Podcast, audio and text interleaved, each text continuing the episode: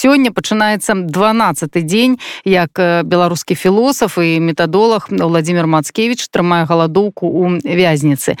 І першы дзень, калі ён пераходзіць на сухую галадоўку, таму што ягоныя патрабаванні змяніць меру ўтрымання ці перадаць справу ў суд так не былі выкананыя. Са жніўня філосаф сядзіць за кратамі, у адносіне да яго не праводзіць ніякіх следчых працэсуальных дзеянняў, а толькі кожныя два месяцы працягваюць тэрмін знаходжання пад вартай.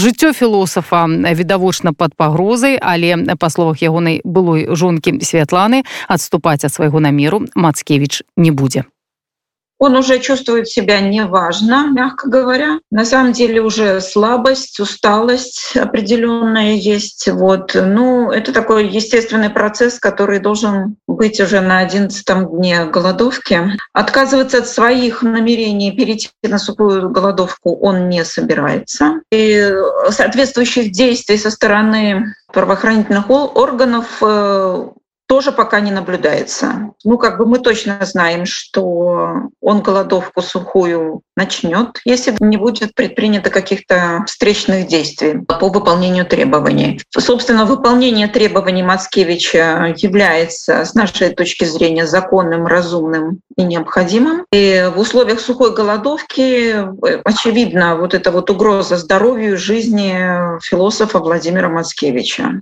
Мы знаем, что э, к нему приходят в камеру несколько раз приходили психологи, вот, но он с ними не ведет разговора, по моему пониманию, в общем-то, должен уже приходить врач э, не только со, и фиксировать его состояние здоровья не только со стороны СИЗО, но и с нашей стороны. И мы должны иметь данные о его состоянии здоровья уже как бы ежедневно, поскольку э, если он переходит на сухую голодовку, а он точно переходит, то мы состояние здоровья будет ухудшаться каждый день и даже не по дням, а по часам. Ну, насколько я знаю, там э, врач СИЗО э, приходит э, и ведет наблюдение. Сегодня не было врача, только был психолог. Поэтому это проблема. То есть мы можем со своей стороны предоставить врача, но для этого должна быть осуществлена, опять же, правовая процедура допуска врача в СИЗО со стороны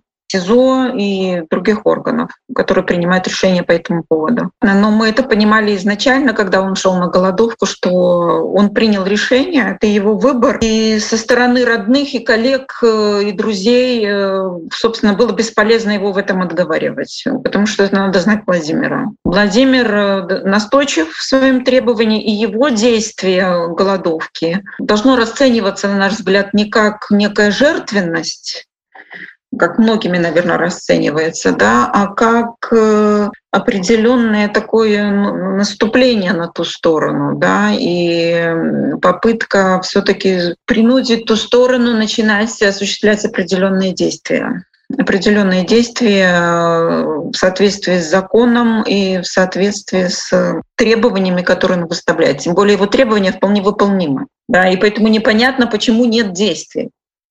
Вот почему нет действий, абсолютно непонятно. Да? И рассчитывать на то, что он откажется, ну вот мы не рассчитываем на это. И поэтому мы исходим из этих условий, из его самоопределения, понимаем, что отговаривать его бесполезно. А скорее надо включаться в, в процесс направления обращений к органам, принимающим решения. И в частности сейчас, когда Владимир сидит непосредственно в СИЗО, надо понимать, что вся персональная ответственность, личная ответственность за последствия, необратимые последствия голодовки будут лежать в первую очередь на руководстве СИЗО, которое оказалось фактически сейчас в заложниках бездействия Следственного комитета и Генеральной прокуратуры. Знаете, мы когда сталкиваемся с той системой, нам постоянно внушают э, о том, что там якобы есть порядок. Вот голодовка Владимира сейчас очевидно показывает, что там с порядком как бы пока не очень понятно, а что же это за порядок такой, да? да? Как бы органов много, а кто тогда решение принимает? Где то конкретное лицо, которое принимает решение? Потому что, ну вот скажите нам, кто? Кому нам обратиться конкретно. Поэтому по факту, когда э, мы видим бездействие с той стороны, реально на данный момент э, Я думаю, что руководство СИЗО должно осознавать, что поскольку Владимир сейчас находится именно там, то именно на них и будет возлагаться вот эта персональная ответственность и юридическая ответственность за последствия, за возможные негативные последствия голодовки.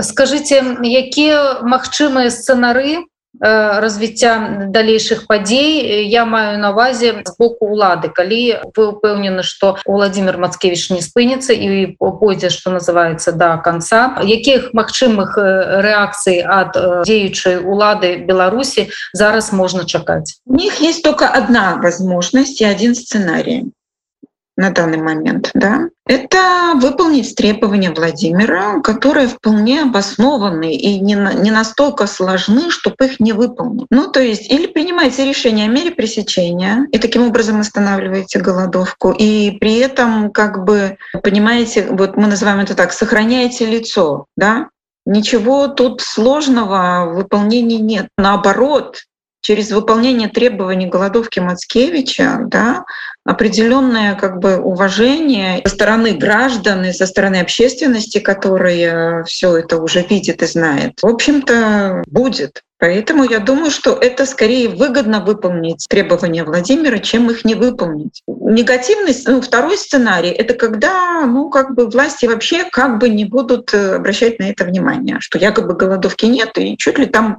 снова как бы не он там что-то кушает якобы в передачках. Ну, во-первых, никаких передач не передается, на данный момент. И мы понимаем, что это все такие информационные уловки. Замолчать факт голодовки уже на сегодняшний день невозможно. Поэтому, опять же, выгодно властям, как мне кажется, да, признать этот факт голодовки, да, и как можно быстрее эти требования так спокойно, в режиме нормальной процедуры выполнить. И это будет только плюс той стороне. Потому что чем дольше Владимир голодает, тем больше, собственно, будет, так скажем, э, оповещение про это. Мы, родственники, сохраняем за собой право про это говорить про это говорить и оповещать всем и кричать во все колокола, потому что, ну, потому что мы понимаем все последствия данного действия. Мы не хотим потерять близкого человека, своего друга, коллегу.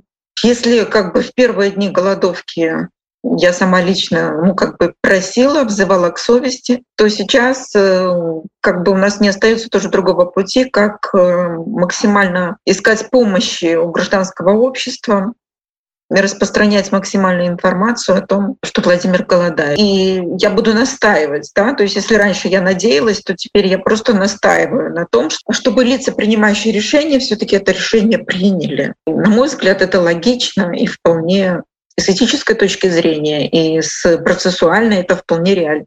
у уладаў ёсць яшчэ один механізм які у свой час прымяняўся да Андрэя сахарова гэта прымусова пачаць карміць чалавека прызнаць яго там нейкае псіхічнае адхіленне схільнасць да суіцыда і пачаць яго карміць прымусова Да я знаю что такой сценарий есть. И все мы знаем что такой сценарий возможен. Но тут действительно я думаю что те же лица, которые будут э, такой сценарий рассматривать, должны понимать, а что Владимир не молод и, в принципе, выдержит такую процедуру может ее просто не выдержать. И тогда это будет уже не просто голодовка Владимира, а это будет убийство. Будет расцениваться нами, по крайней мере, да, как будет расцениваться как убийство с их стороны. И очередной жертвы как бы нам в этой ситуации не нужно. Поэтому пока еще сохраняется такая возможность выполнить эти решения, то я думаю, что такой возможностью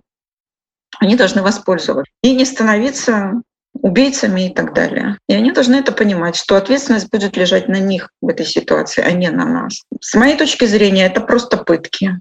Я надеюсь на то, что до вот состояния пыток эта ситуация не дойдет. На 15 лютого прызначана пресс-конференция, на якой будзе выступать дачка Владимира Мацкевича. Распавядзіце, калі ласка, вось про эту подею. Такие пресс-конференции действуют для того, чтобы мы постоянно информировали общественность о состоянии здоровья Владимира и о том, как идет голодовка. И мы в этом плане рассчитываем на то, чтобы и средства массовой информации, и, обще, и общественность, и гражданское общество Беларуси да, было максимально обеспокоено тем состоянием, в котором сейчас находится Владимир, понимая, что он не откажется от этого. И объясняя, в частности, что мы имеем особый случай голодовки, при этом абсолютно не умаляем все остальные как бы, голодовки, да, потому что на данный момент это вот, вот ситуация такая, да, Владимир голодает, и он таким образом э, как бы демонстрирует, э, несет на себе вот эту вот позицию всех политзаключенных, которые находятся сейчас за решеткой. Поэтому мы хотим как бы вот в этих достаточно не очень хороших условиях, э, пиар-условиях, в которых мы находимся, там начало войны, всяких манипуляций информационных, которые идут, э, и необоснованных как бы аргументаций и нагнетения, напряжения, так скажем, в глобальном отношений. Мы хотим крикнуть и сказать, что да, вот во всем этом глобальном хаосе, который мы имеем, и противостоянии, а, и напряжении разного рода, да, у нас на кон поставлена жизнь конкретного человека. Причем не обычного человека, а человека, который символизирует э, собой мышление страны, представляет определенную ценность и, и уровень важности и ценности для страны в целом. И фактически мы сейчас стоим все, все гражданское общество и общественность стоит на таком вот выборе, да, вам что важнее? Вам важнее вот, э, вот вовлечение вот в эти все нагнетания ужасов, ужасов, ужасов или говорение про самое важное и ценное, про основания, на которых э, мы сейчас э, как бы пытаемся сохранить какое-то человеческое лицо. Ну а я нагадаю што сёння пачынаецца 12 дзень калі філосафу владимир мацкевич трымае халадоку і пераходзім на сухую